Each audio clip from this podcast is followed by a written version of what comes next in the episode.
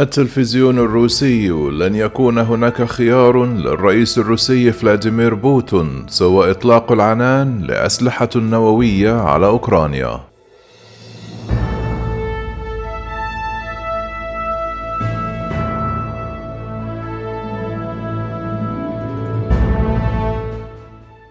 زعم مراسل حرب تلفزيوني روسي بارز أن فلاديمير بوتون لن يكون أمامه سبيل للعودة قريبا سوى إطلاق العنان لأسلحة نووية على أوكرانيا.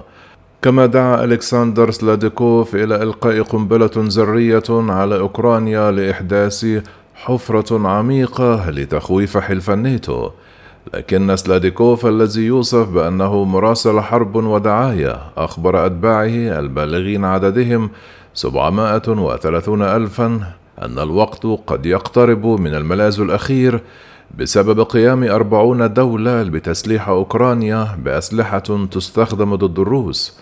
وضع الرئيس الروسي فلاديمير بوتون القوات النووية الروسية في حالة تأهب قصوى. بعد وقت قصير من بدء غزوه لأوكرانيا في الرابع والعشرون من فبراير المنصرم ووسط الدعم الغربي المتزايد لأوكرانيا وجه بوتون تهديدات مبطنة إلى حد ما تلمح إلى استعادة لنشر الأسلحة النووية التكتيكية الروسية التي ترى العقيدة العسكرية الروسية أنه يمكن استخدامها لإجبار الخصم على التراجع. كتب سلاديكوف هناك المزيد والمزيد من الحديث عن الأسلحة النووية وروسيا لديها الكثير لتقوله عنها لدينا حل لأوكرانيا. هناك العديد لكي يتم تسكيرنا بالملاذ الأخير الأسلحة النووية. إذ لم يسمعنا أحد وواصلت أربعون دولة مساعدة النازيين الأوكرانيين فلن يكون لدينا سبيل للعودة.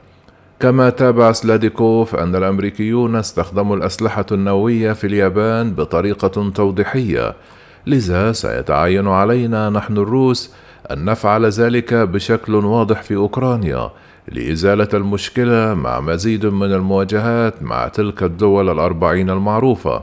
ستكون حفرة بعمق عدة مناطق مثالا واضحا على مدى جدية ومناشدة روسيا لحلف الناتو للعودة إلى السلام والوئام. لكن إلى أين ستذهب أوكرانيا؟ بالضبط حيث يتجه الآن مع الفارق الوحيد أنه سيكون سريعا وأرخص نسبيا لروسيا.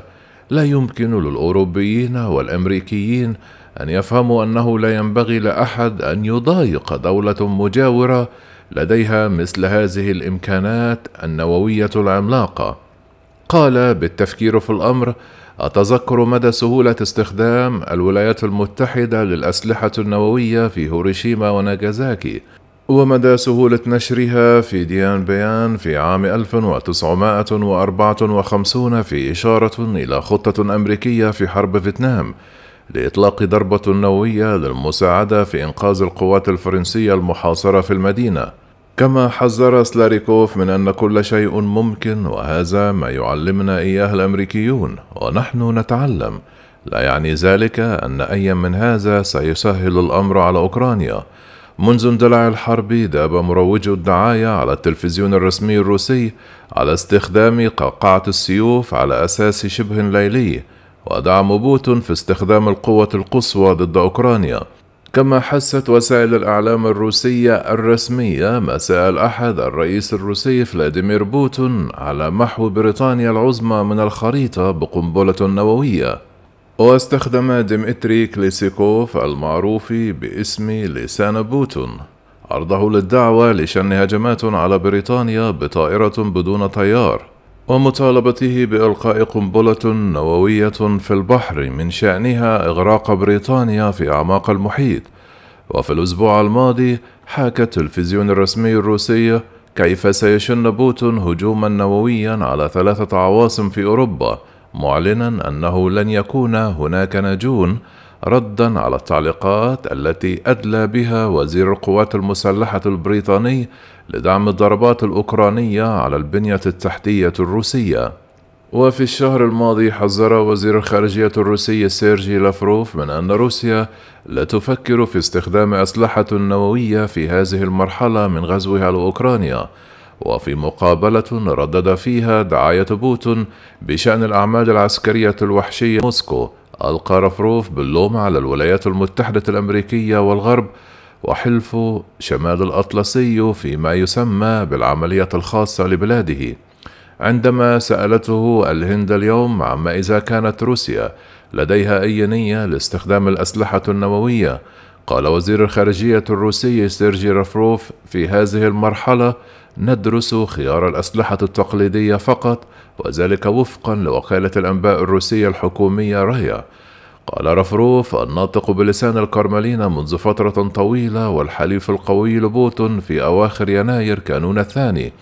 إن روسيا لن تغزو جارتها في الرابع والعشرون من فبراير المنصرم وبعد أقل من شهر من تعليقاته أمر بوتين قوات موسكو بالدخول إلى أوكرانيا. بعد أيام وضع فلاديمير بوتين القوات النووية الروسية في حالة تأهب. وهدد حلفاء الناتو بعواقب أكبر من أي عواقب واجهتها في التاريخ إذا تدخلوا في نزاع أوكرانيا. أثار هذا مخاوف من أن الزعيم الروسي سيكون مستعدا لاستخدام الأسلحة النووية في الصراع وهو أمر لم تفعله أي دولة منذ الحرب العالمية الثانية.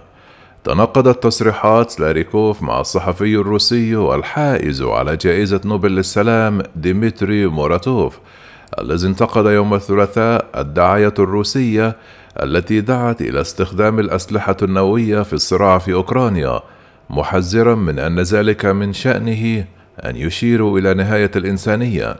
قال مراتوف للصحفيين في جنيف من خلال مترجم لن أستبعد احتمال استخدام أسلحة نووية. وفي حديثه في حدث بمناسبة اليوم العالمي لحرية الصحافة حذر مراتوف الذي أجبرت صحيفة نوفايا جازاتا الخاصة به على تعليق النشر وسط تدخل عسكري من موسكو من أن محاربي الدعاية في الكرملين يسعون جاهدين لجعل استخدام الأسلحة النووية أكثر قبولا للجمهور الروسي. وقال منذ أسبوعين حتى الآن نسمع من شاشات التلفزيون لدينا أنه ينبغي فتح الصوامع النووية. وقال نسمع أيضا أن هذه الأسلحة المروعة يجب أن تستخدم في حال استمرار إمدادات الأسلحة إلى أوكرانيا في إشارة إلى الجهود التي تبذلها الولايات المتحدة الأمريكية والاتحاد الأوروبي وغيرهما لتسليح الدولة التي مزقتها الحرب، كما حذر من أنه على عكس الرواية الدعائية، فإن نشر مثل هذه الأسلحة لن يكون نهاية للحرب، بل ستكون نهاية للإنسانية، وقال إن الأمر الأكثر إثارة للرعب في روسيا اليوم هو أن الرئيس الروسي فلاديمير بوتون قد اكتسب سلطة مطلقة غير مقيدة. قال موراتوف أنه إذا قرر استخدام الأسلحة النووية فلا أحد يستطيع منع اتخاذ قرار لا البرلمان ولا المجتمع المدني ولا الجمهور. وفي الشهر الماضي أعلن نظام الرئيس الروسي فلاديمير بوتون أنه يخطط لنشر صاروخ الشيطان اثنان المخيف ذو القدرة النووية في عرض للقوة بحلول الخريف ويعد هذا صاروخ باليستي أطول أنواع الصواريخ ولديه القدرة على الوصول إلى أي هدف في العالم مما يعني أنه يمكنه بسهولة ضرب أهداف في الولايات المتحدة وأوروبا.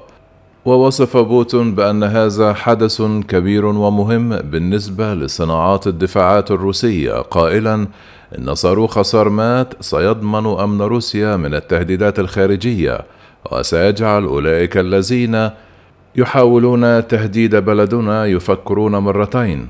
قال خبراء عسكريون غربيون أن صاروخ سرمات قادر على حمل عشرة أو أكثر من الرؤوس الحربية النووية وهو ما يكفي بسهولة للقضاء على مناطق بحجم بريطانيا أو فرنسا بضربة واحدة.